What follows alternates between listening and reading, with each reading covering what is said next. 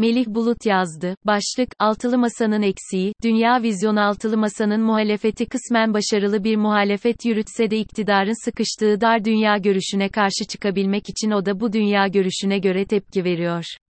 Bu da altılı masayı oluşturan ittifakın dünyadaki mevcut değişimi takip etmesini güçleştiriyor.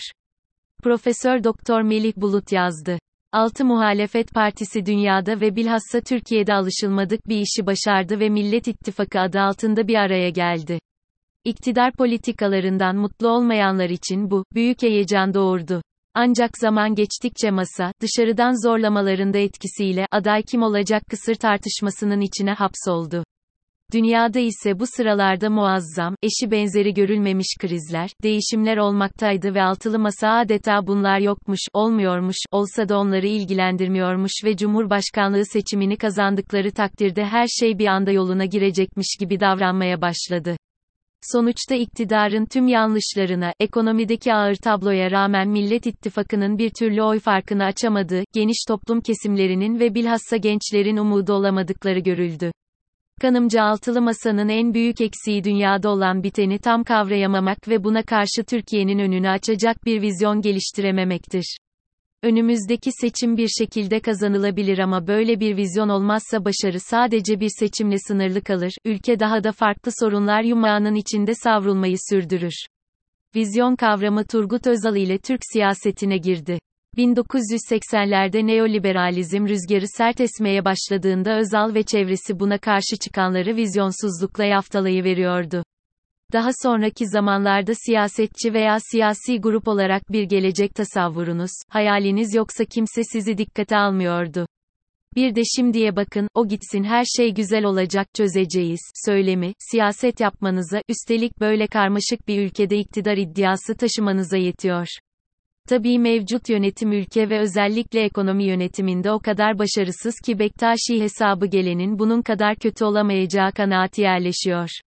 Ancak seçim kazanmak gibi bir hüneri olan mevcut Cumhurbaşkanının her zaman şapkadan tavşan çıkarabileceğini unutmamak ve duygusal olarak ileri derece kutuplaşmış ülkede seçim kazanmanın ülkeyi huzurla yönetmek için yetmeyeceğini görmek lazım.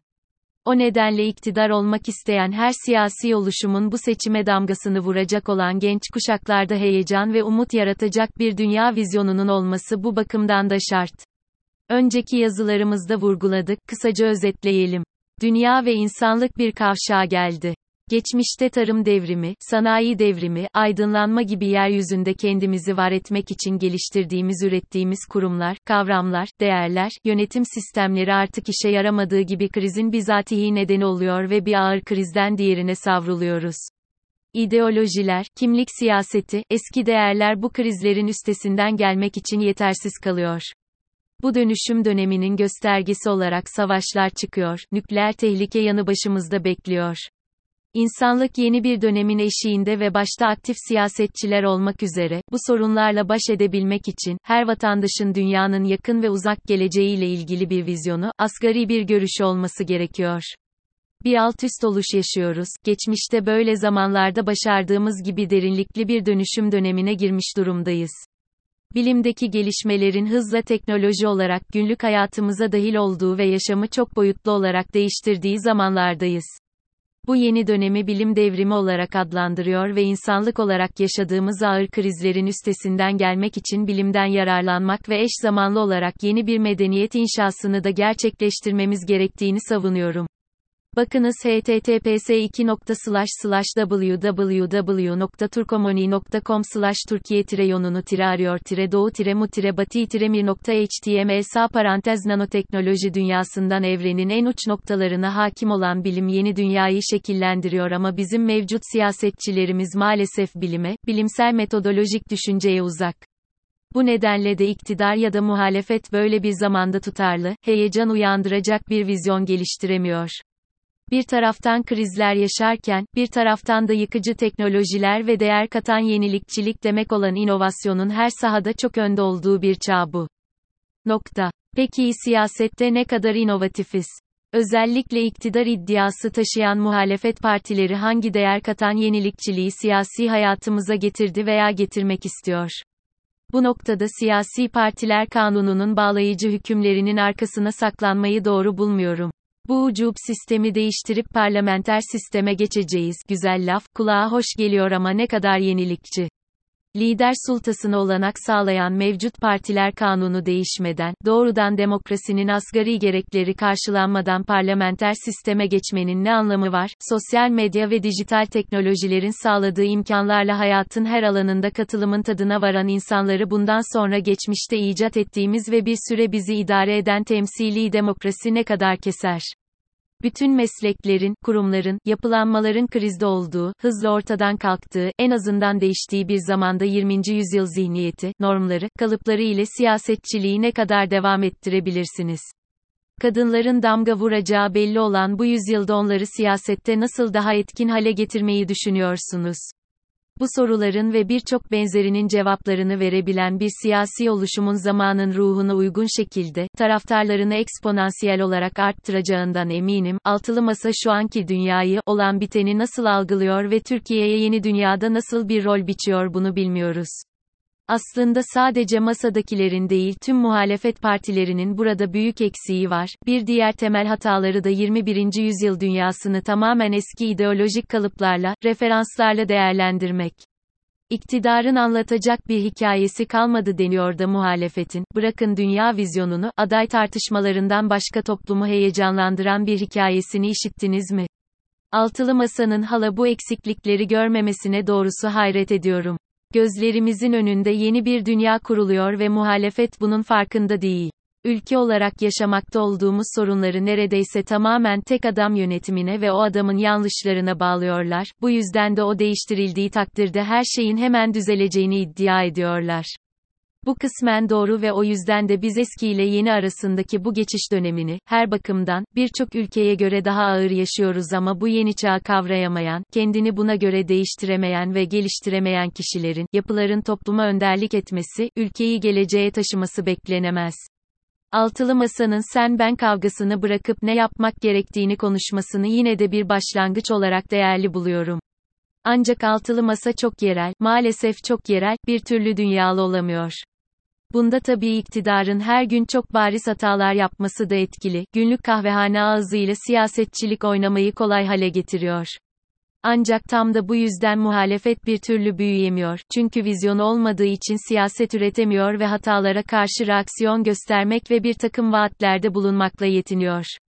İktidar da bu vaatleri bir şekilde karşılıyor ve köşeye sıkışmıyor.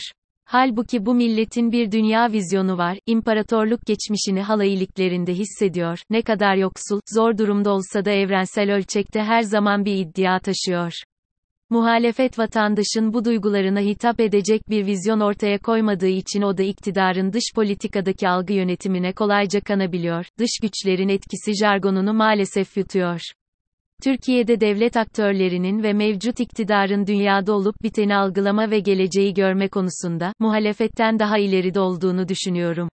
Onlar en azından ve doğru ya da yanlış, bu farklı geleceğe daha da ağır merkezileşme, daha da otoriter bir yönetim ile hazırlanıyorlar. Sadece günlük yaşamı denetim altına alma çabalarında, sosyal medya yasa önerisinde bunu görmüyor, örneğin döviz kurunu tutmak için Merkez Bankası'nın aldığı son kararlarda da aşırı merkeziyetçiliğin nasıl kamu yönetimine hakim olduğunu izliyoruz. Hukukun üstünlüğünden başlayarak yapısal reformları gerçekleştirerek ekonominin bugünden daha iyi hale geleceğini herkes biliyor ama 21 yüzyılda hakikaten ülkeyi dünyanın ilk 10 ekonomisi arasına nasıl sokacağız?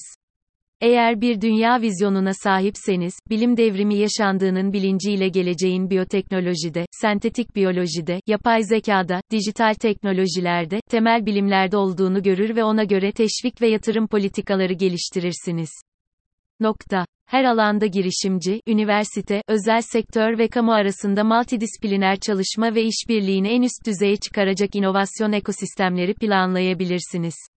Ayrı ayrı tarım, sağlık, hukuk, ekonomi, dış politika gibi başlıklarda uzman komisyonlar toplayıp pek kullanılmayacak raporlar hazırlamak yerine bağlantısal bütünsellik yaklaşımı ile bu alanlardaki sorunlara hep birlikte ve bir uyum içinde, birbirleriyle çelişmeyen çözümler üretir ve fevkalade etkin, kolay uygulanabilecek üretim, kalkınma ve hizmet politikaları geliştirebilirsiniz. Bu noktada yeni bir dünya vizyonu ortaya koymanın yalnızca dış politika uzmanlarının, diplomatların işi olduğunu zannetmek gibi bir yanılgının da partilere hakim olduğunu görüyorum. Türkiye Cumhuriyeti ve Osmanlı nitelikli diplomatlar yetiştirmiştir. Dünya vizyonu oluşturmak konusunda onların da önerileri ve görüşleri alınabilir ama 2022 gibi insanlık tarihinin çok kritik bir yılında bu görev sadece onlara atfedilemez. Dahası, çok net pozisyon almayı gerektiren Ukrayna işgali, İran isyanı gibi olaylarda da yalnızca orta yolcu, denge politikası gütme ve sorunları yatıştırma, zamana yayma konusunda ustalaşmış kişilerin aklıyla hareket edilemez. Rusya'nın Ukrayna işgali bu bakımdan muhalefet için çok önemli bir fırsattı. Altılı Masa ve özellikle masanın başını çeken CHP bu konuda, belki eski ideolojik saplantılarla, Putin ve Rusya'ya karşı açıkça Ukrayna tarafında yer almadı ve iktidarın denge politikasını destekledi. Birkaç CHP'li belediyenin cılız yardım paketleri dışında CHP'den işgale karşı kuvvetli bir kurumsal itiraz duymadık. Kanımca bu tarihi bir hataydı ve önemli bir vizyon eksikliğiydi. Diğer partiler zaman zaman Ukrayna'yı destekler mahiyette çıkışlar yapsa da bunlar bütünlükten yoksun, büyük resmi görmeyen açıklamalardı. Bu konuda en iyi sınavı iyi Parti verdi. Türkiye dünyanın, pek çok açıdan, merkezinde yer alan bir ülkedir. Sadece doğu-batı değil kuzey-güney ekseninde de merkezdedir. Türkler Doğu, Orta Doğu, Batı ve diğer geçmişte etkili olmuş tüm medeniyetlerin her zaman önemli parçası olmuştur. Dünyanın içine girdiği bu dönüşüm döneminden bilimin ışığında yeni bir medeniyet inşası ile çıkılacağı bana aşikar görünüyor. Bu medeniyetin ayak sesleri, dünyanın her ülkesinde çeşitli vesilelerle duyulmaktadır. Gezi olayları, İran'daki başkaldırı, Myanmar'daki darbeye direnç, Ukrayna'nın işgaline tüm dünyada insanların karşı çıkması bunun göstergeleridir belli bir coğrafyayla tanımlanamayacak, küresel vicdana sahip, yaşamdaşlık ve eşitlikçilik ilkesini benimsemiş küresel vatandaşların kurmakta olduğu bir medeniyet olacaktır bu. İktidarın bunun farkında olduğunu düşünüyorum ama yeni medeniyetin inşasında yer alamaz, çünkü ataerkil, otoriter zihniyeti başta olmak üzere, her yönüyle eskidir, köhnedir. Altılı Masa'nın Türkiye ve dünyaya sunması gereken vizyon işte tam bu yenilikçi dünya görüşüdür. Geçmişimiz, birikimlerimiz, tarihimiz itibariyle yeni medeniyetin inşasında etkin olmamız gerekir, buna gücümüz vardır. Nasıl ki bir zamanlar Tayyip Erdoğan Batı karşısında kendisini yenik ve ezik hisseden milletlerin sesi gibi görüldüyse şimdi muhalefet aktörleri de sadece Türkiye'deki yanlışlara değil, tüm dünyadaki otoriter uygulamalara ve rejimlere karşı, yeni bir medeniyet inşasına girişmiş insanların siyasi taşıyıcısı olabilir ve de olmalıdır.